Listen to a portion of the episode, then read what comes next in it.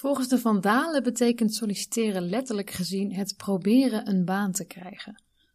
In het arbeidsrecht definiëren ze het zelfs als het verzoek om in een functie te worden aangesteld. Klinkt simpel genoeg. Een verzoek dus, een presentatie van jezelf waarin jij laat zien waarom jij die baan die je wilt verdient. Je kunt immers alles worden wat je wilt als je later groot bent, als je maar wordt aangenomen. Maar hoe doe je dat? Vandaag hebben we het over solliciteren en sollicitatiegesprekken en kijken we hoe jij ervoor zorgt dat je je onderscheidt van de rest van de sollicitanten. Ik ben hier met Arjen en Marjolein, experts op het gebied van solliciteren, die ons een kijkje gaan geven in wat een goede sollicitatie vereist vanuit de kant van de werkgever. En daarnaast gaat ervaringsdeskundige Jana met ons delen wat haar ervaring is in het solliciteren. Allereerst dus Arjen, zou jij je even aan ons willen voorstellen? Ja, uh, ik ben Arjen. Ik ben hoofd van de Career Services van de Universiteit Utrecht. Mm -hmm. En wij helpen studenten die ons studeren uh, om een baan te vinden die bij hen past. Oké, okay, mooi. Dankjewel dat je er bent. En Marjolein? Uh, ja, Marlijn Bovens. Ik werk als uh, freelance recruiter. Mm. Voor uh, een aantal opdrachtgevers heb ik gewerkt en ben ik nog werkzaam. En kan je denken aan, nou, ik heb bij de Volksbank gewerkt, bij Achmea, bij de politie, maar ook bij de Universiteit Utrecht. en ik doe zowel werving als selectie, dus zit veel bij selectiegesprekken ook mm. aan tafel. Dus ook echt voor heel veel verschillende opdrachtgevers en soorten werkvelden. Ja, variabel ook, ja. dus commercieel, non-profit organisaties. Dus ik kan daar veel over vertellen. Ja, mooi. Ja. Dankjewel dat je bent. Jana, wil ik even aan jou wat vragen. Jij bent, ik begreep dat je nu aan het solliciteren bent. Ja, dat klopt. Dat hebben we allemaal meegemaakt. Zou je met ons willen delen um, hoe dat voor je gaat? Um, nou, ik vind het best wel spannend, maar mm -hmm. ik vind het ook heel leuk. Mm -hmm. um, wat het heel spannend maakt, is dat. Uh, vergelijk het wel eens met daten, maar anders dan met daten heb je een baan op een gegeven moment wel echt nodig. En als die liefdesrelatie nog even op zich laat wachten, dan kan je je leven genoeg vullen met leuke dingen. Precies. Uh, en vrienden. Dus uh, wat dat betreft zit er wat meer druk achter. Um, alleen probeer wel echt een mindset te houden zoals uh, ik ook op zoek ging naar de perfecte partner. Mm. En wat is die mindset dan precies? Um, ja, ik, um, ik probeer echt elk gesprek in te gaan als een ervaring die op zich al heel leuk is. Mm -hmm. En waar ik sowieso iets uit meeneem. Dus uh, of een nieuw contact, of uh, feedback, of uh, een kijkje in de keuken ergens. Of ja, dat ik erachter kan komen van, oh, dit, dit is echt iets wat ik heel graag wil, of dit past helemaal niet bij me. En op die manier probeer ik het dus niet meer te laten gaan over afgewezen worden of goedgekeurd worden, maar meer ja, ja. over de ervaring, de ervaring en het proces leidend maken. En ik ben nu uh, in mei ben ik afgestudeerd. En toen merkte ik aan mezelf dat ik uh, eigenlijk gewoon best wel een heftige tijd achter de rug had. Dus dat ik uh, wat ruimte nodig had. Financieel was dat ook mogelijk. Dus uh, voor mezelf heb ik de richtlijn dat ik ergens tussen 1 november en 1 januari wel echt aan de slag wil. Mm -hmm. dus ik besef me ook wel dat dat een vrij luxe positie is. Dat, mm -hmm. er, dat er ruimte is. En ik ben met wat dingen nu in gesprek. En ook weer net zoals met daten ben ik wel heel open voor nieuwe bedrijven en weet ik wat. Maar probeer ik toch eigenlijk niet met meer dan twee of drie echt actief in gesprek te zijn. Want dan gaat het allemaal door elkaar heen. En dan, dan wordt het een soort van... Uh, ja, dus als er één afvalt, dan ja. ga ik weer bij een nieuwe actief erin. Oké. Okay. En als het heel lang duurt bij eentje, dan telt dat een beetje als afgevallen, maar misschien komt hij dan wel weer terug. dus uh, ja, je zo gaf, sta ik er nu in. Je gaf aan dat die mindset, hè, dat is iets uh, waar we het eerder ook over hebben gehad. Uh, wat is daarin belangrijk, denk je? Dus is het een soort van kwestie van dus inderdaad niet te veel tegelijk solliciteren, dat je echt je aandacht erbij hebt, of is het echt je eigen houding? Ik denk dat het, dat het per persoon heel erg gaat verschillen wat te veel tegelijk is. Mm -hmm in mijn studie merkte ik dat sommige mensen heel goed een scriptie konden schrijven, vakken konden volgen, een baantje konden hebben en nog konden solliciteren. Voor mij werkt dat niet zo goed. Ik moet gewoon één ding doen. Hmm. En als dat is afgerond, dan kan ik het volgende doen. Dus voor mij werkt het goed om dat twee te doen. Um, wat denk ik voor mij het belangrijkste is, is. Uh, ja, hoe kan je dat goed omschrijven? In een andere podcast heb ik het ooit gehoord. Um, ging over being above or being below the line. Dus boven of onder mm -hmm. de lijn zijn. Als je onder de lijn bent, dan ben je uh, gespannen, contracted uh, en angstig. En als je boven de lijn bent, ben je nieuwsgierig en open en um, ja, in een creatieve mindset. Mm. En ik denk dat ik pas probeer te handelen op het moment dat ik voel dat ik boven de lijn ben. En als ik onder de lijn ben, dan ga ik eerst voor mezelf zorgen en daarna pas dingen doen. Dus vanuit een goede plek ja, gaan precies. Vanuit, zo te zeggen. Ja. ja. en dus ook dan zeggen, uh, nee, vandaag is niet een goed moment om te mhm. bellen, kan ik je morgen terugbellen. Ja. Uh, terwijl je wel tijd hebt, maar niet de goede mindset hebt. Ja. Maar herken je dat, dat je dat, dat daar een verschil kan zien bij verschillende sollicitanten? Ja, ik denk dat je wel een goed uitgangspunt hebt waarin je zegt van ja, solliciteren is, is onderzoeken eigenlijk vanuit twee kanten. Hè? Dus um, kijk, ik denk dat een goed gesprek, dat zie ik in ieder geval vanuit een werkgeverskant, is een gesprek waarin je met iemand aan tafel zit die een gelijkwaardige gesprekspartner voor je wordt. Hè, dus um, ik, ik zeg altijd, uh, ik kan balen als een kandidaat mij afbelt, terwijl ik heel graag die kandidaat had willen hebben, mm -hmm. maar die zegt ik heb er goed over nagedacht en dit is niet het bedrijf waar ik wil werken. Heb ik liever, dat klinkt gek, uh, dan dat wij maar moeten zeggen, nou, we gaan je aannemen, maar hè, nog dit en dat en ontwikkelen. Dus ik, ik heb liever dat je heel erg zelf ook zeker weet, dit is de goede plek voor mij. Want je, weet je, ik zeg altijd, je bent daar 40 uur per week als het niet meer is. Je bent daar heel veel tijd. Hè? En dat is wel waar je de energie uit moet halen. Het moet een plek zijn waar je uh, denkt van, nou, ik kan, hier kan ik ontwikkelen. Ik pas tussen de mensen die hier werkzaam zijn. Belangrijke elementen. Uh, ook voor jezelf, om af te wegen, wil ik daar zoveel tijd ook zijn daadwerkelijk.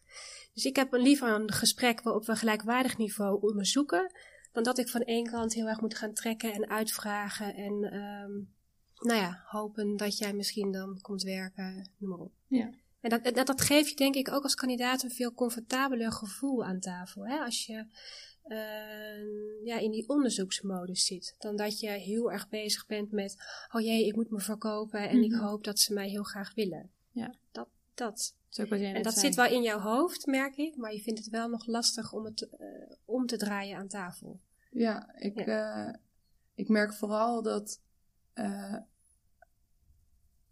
ja, de angst dat ik niet goed weet wat ik waard ben, die is heel groot. Dus de dingen die ik interessant vind, ben ik daar wel echt klaar voor? En overschat ik mezelf niet? Of andersom ook, ben ik niet veel te bescheiden en onderschat ik niet wat ik kan? En ja. Maar kwetsbaarheid aan tafel is goed, hè? Maar zolang het, uh, want juist ben ik altijd heel erg op zoek naar zelfinzicht. Uh, kandidaten die dat niet hebben en die eigenlijk niet weten waar nog hun kwetsbare punten zitten, ja, dat zijn mensen waar ik weinig grip op krijg in een gesprek.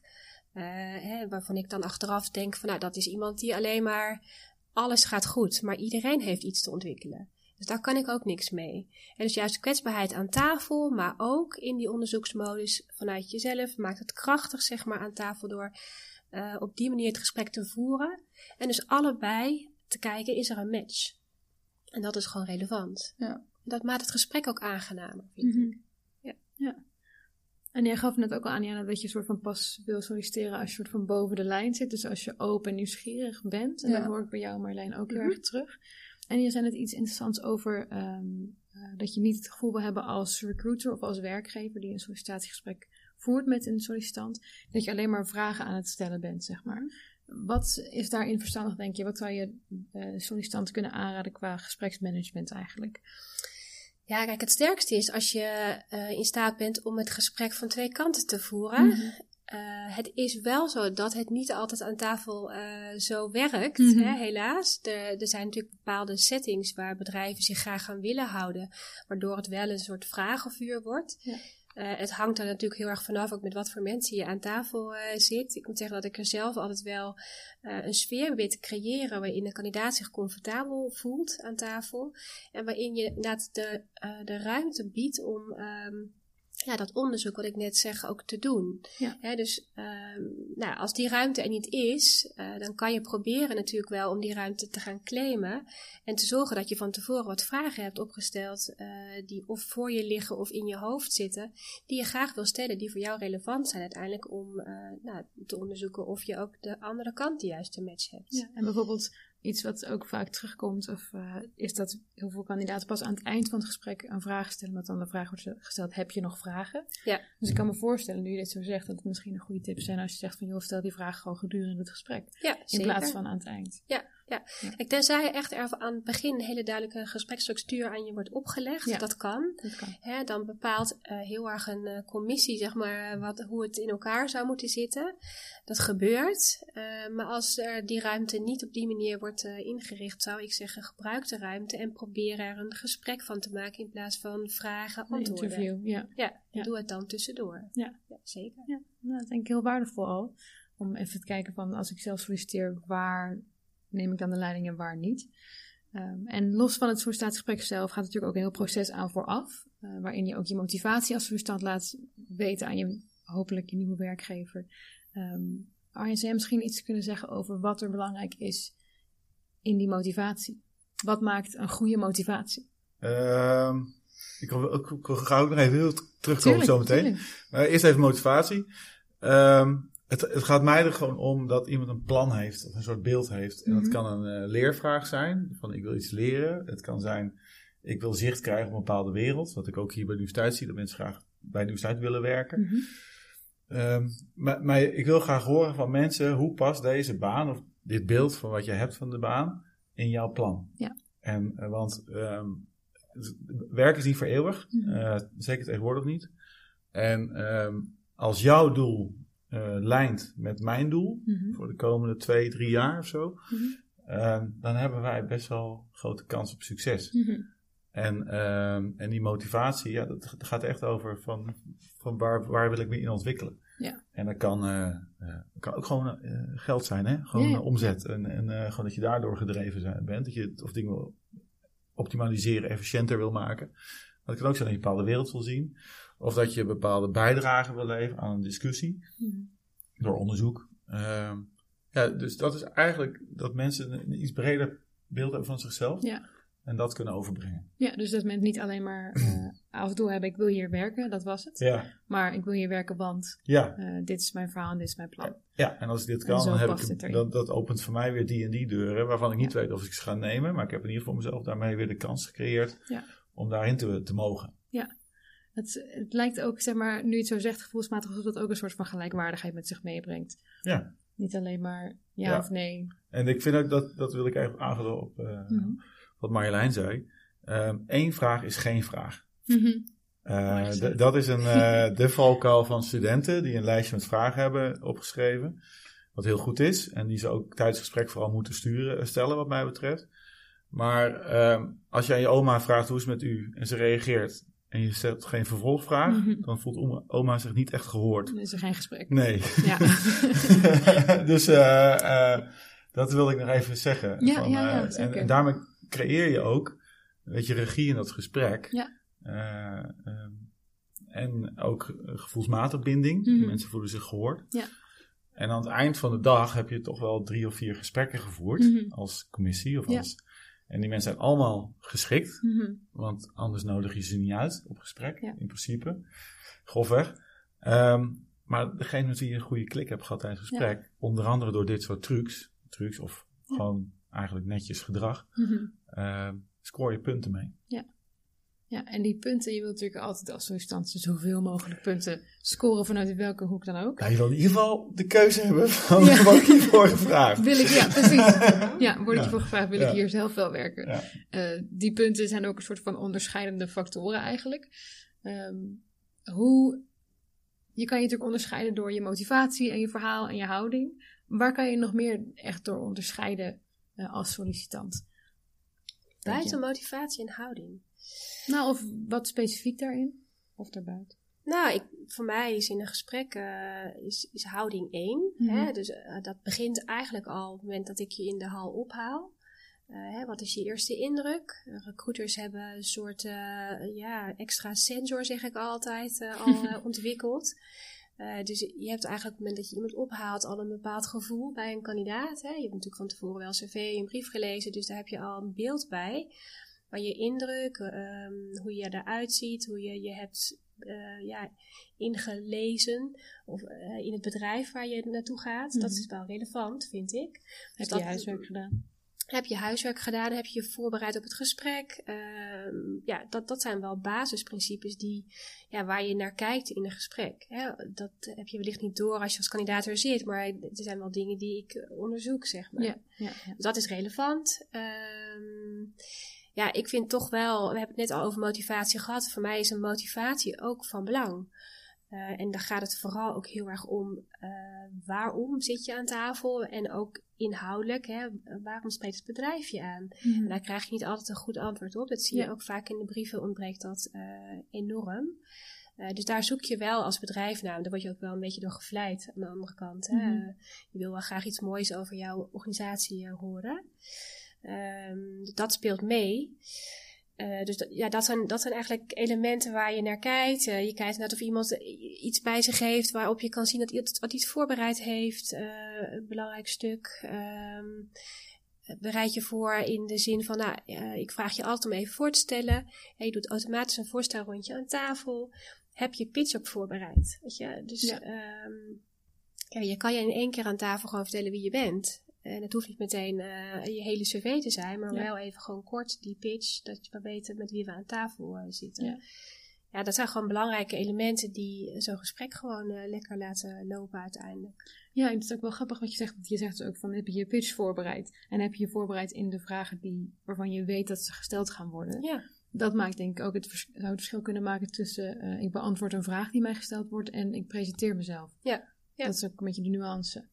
Nou ja, ik stel wel eens de vraag bijvoorbeeld, uh, hoe heb je je voorbereid op dit gesprek? Oh, dat is ook leuk, ja. Uh, en dan vind ik het interessant om te weten, uh, er zijn kandidaten die soms van tevoren iemand opbellen, hè, omdat ze nog een vraag hebben. Dus nou, bijvoorbeeld wij nodigen jou uit voor een gesprek. Je krijgt van mij een uitnodiging, je weet wie de gesprekspartners zijn. Bekijk de LinkedIn-pagina even van deze gesprekspartners, dan weet je wat met wat voor mensen je aan tafel ja. zit. Maar het staat je ook vrij om zo iemand heel even te bellen. Bel de vacaturehouder even, stel een paar vragen. Mm -hmm. Dat kan, hè? Uh, dan heb je al wat voorbereiding gedaan, heb je even een contactmoment gehad. Bezoek de website, dan kan je heel veel uit opmaken uit een website, uit wat voor Mhm. soort organisatie het nou is. Nou, dat is wel wat ik graag wil horen aan tafel. En er zijn vaak kandidaten die zeggen, oh ja, dat heb ik eigenlijk niet gedaan. Mm -hmm. En dan moet ik heel eerlijk bekennen, dan ben ik al richting de uitgang, zeg maar. Ja. Dus dat je is, moet ook gewoon een beetje durf ja. hebben als kandidaat op een Ja, zeker. Ja, een beetje lef tonen. Ja. Ja. mooi. Arjan, wil je nog wat zeggen? Nou, ik vroeg maar uh, aan uh, Jana, wil toch één vraag stellen. Uh, is, is van hoe, um, wat is voor jou, hoe, hoe, probeer jij onderscheidend te zijn? Want dan kunnen wij daar misschien een klein beetje nog feedback op geven. Hmm. Ja, de, voor een bepaalde functie die, waar je voor bent gegaan, heb je misschien een keuze gemaakt? ik moet heel eerlijk zeggen dat ik juist heel erg mijn best doe om dat niet te proberen. Ah, Ik uh, probeer echt heel erg daar te zitten zonder mezelf te proberen te verkopen. Of ik bereid me wel voor door de website helemaal te lezen, te kijken of de kernwaarden overeenkomen met mijn eigen kernwaarden en of ik er enthousiast van word. ja. En ik kijk ook zeker op mijn LinkedIn-pagina's en uh, bij een van de bedrijven waar ik enthousiast van werd, was in de buurt. Dus ben ik binnengelopen en gezegd, hé, hey, heel brutaal, maar ik wil bij jullie solliciteren Mhm. misschien. En ik wil gewoon even kijken, hoe is het hier? Um, dus dat soort dingen doe ik allemaal wel. Alleen echt woord voor woord een pitch voorbereiden. Misschien bedoelde je dat ook niet, maar oh, je kn- knikt nee. Want dat hoor je natuurlijk niet. um, maar echt heel erg, heel erg, uh, ja, ik weet niet. Ik, ik heb het idee dat als het klopt, dan klopt het wel. En je kan er beter zitten als mensen samen. En ik word er niet gelukkig van als jullie mij kiezen en ik hier niet pas. Nee. -hmm. Dus ja, ergens... En werkt dat naar jouw idee tot nu toe? Zoals je nu vertelt? Ja, ik heb wel, zeg maar, de, de gesprekken die ik heb. Ik heb niet het gevoel gehad dat ik oneerlijk afgewezen werd. Ik heb elke keer het idee gehad als het niet werd, dat ik dacht, nee, ik heb hier echt iets van geleerd. Ik wil misschien helemaal niet werken in een bedrijf waar ik eerst negen maanden lang als trainee klantenservicewerk doe, want ik wil juist veel meer contact hebben persoonlijk en, en er echt zijn. En ik wil misschien niet in de financiële sector werken, maar juist in heel erg verschillende bedrijven. En ja, dan, dan was het geen match en dan kan je daar even verdrietig over zijn of dat jammer vinden dat die match er niet was. Maar ja, als ik er wel zou gaan werken, dan wilde ik misschien ook best wel snel weer weg. Ja. Het is kan beter doorzoeken. Of zo. Ja, precies. Ja. En ehm, ja, ik weet niet of, of dat dan een niet proactief genoegen houding zou kunnen Nou, zijn. ik wil eigenlijk omdraaien als, eh, als laatste vraag voor mij dan. Is, ehm, heb je dan het gevoel als je er weer naar buiten gaat, als je met deze eh, houding die helemaal goed is volgens mij, ook voor de werkgever, maar heb je dan ook het idee van jezelf, ik heb alles wel van mezelf kunnen laten zien? Want sommige mensen merk ik, die doen die pitches ook om zichzelf een kapstok te geven. Op die manier kan ik in ieder geval alles van mezelf laten zien wat ik graag wil laten zien. Ja, met, met een pitch bedoel ik meer dat je een beetje je verhaal in je hoofd hebt. En het hoeft niet Mm. letterlijk, maar ik zie vaak genoeg kandidaten die op het moment dat wij vragen van nou, weet je, eh, doen een voorstelrondje eh, en, en neem jezelf daar ook in mee. Eh, en en ga kort heel even door je cv heen om ons mee te nemen. Die dan, die dan afdwalen. Dus dat, dat is meer wat ik bedoel. Die hebben Oh, dan ja. niet het verhaal in hun hoofd een beetje voorbereid. Van nou, je- dit ga ik ongeveer vertellen.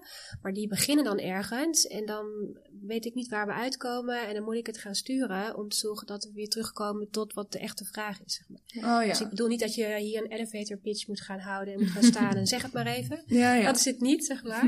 het is meer wat ik met die pitch bedoel. Gewoon even wees in staat om kort te beginnen met jouw verhaal. Zo Oh ja, dan die bal leg ik bij jou neer op een gegeven moment. Zeg ik, nou, en vertel eens, wie ben jij? Dat doe ik zeker. Ja. Ja. Ja, dit is echt wel heel erg. Ik zit hier met de rode lijn om erachter te komen. Wat zijn nou dingen die je zoekt in een werknemer? En hoe ben je nou als werkgever? En eh, kan je mij geven wat ik nodig heb om in mijn kracht te zijn? En eh, kan ik hier ontwikkelen? Kan ik hier groeien? Kan ik hier leren? En eigenlijk zit ik er heel erg zo. En ik ga ervan uit dat zij mij wel willen leren kennen. Dus ik ga dan gewoon vooral Ja. hen willen leren kennen. Ja. En, Maar dat is Een het mooie ook. houding. ja, en, en nou ja, ik, heb, ik ben nog niet zo ver in het gesprek gekomen. Ik heb nog geen arbeidsonderhandelingen gehad of weet ik wat. Dus ik kan nog niet zeggen of het echt een succesmodule is. Nee. Alleen, ik, ik heb wel echt hele leuke gesprekken gehad en hele leuke contacten nu erbij die ik dan ook op LinkedIn toevoeg. En dan, ja, b- bij de twee gesprekken waar het niet doorging, was de conclusie, nou, misschien komen we elkaar nog een keer Ja. tegen, kunnen we iets voor elkaar betekenen. Ja, dat is Ja. Je weet Dus nooit dat, waar het goed eh, voor is en waar je het... Ja, dus het is niet. eh, ja, nu, nu matcht dit niet, maar misschien werk Ja. ik nog eens met dat softwarepakket. ja. Weet je wel? Kom ik ze dan zo nog eens tegen? Kijk, of zij hebben uit hun netwerk dat ze weer iemand kennen die wel bij iemand zoekt. Hè? Ja, Kan ook nog. ja. Nou, lijkt me waardevolle takeaways die je ook aan ons hebt gegeven, Jana. En jullie ook, als experts. Arjan en Marjolein, dankjewel. Ja. Ik wil jullie alle drie bedanken en dan uh, ronden we hem af. Dankjewel. Dankjewel. Dank je. Leuk dat je hebt geluisterd naar deze podcast. Als je geïnteresseerd bent geraakt in dit thema en er ook zelf mee aan de slag wil gaan, neem dan een kijkje op flowly.nl. Hier vind je verschillende manieren om je eigen ontwikkeling een boost te geven. En vergeet je natuurlijk niet te abonneren op dit kanaal als je ook onze volgende podcast wil horen. Tot de volgende keer en keep it flowly.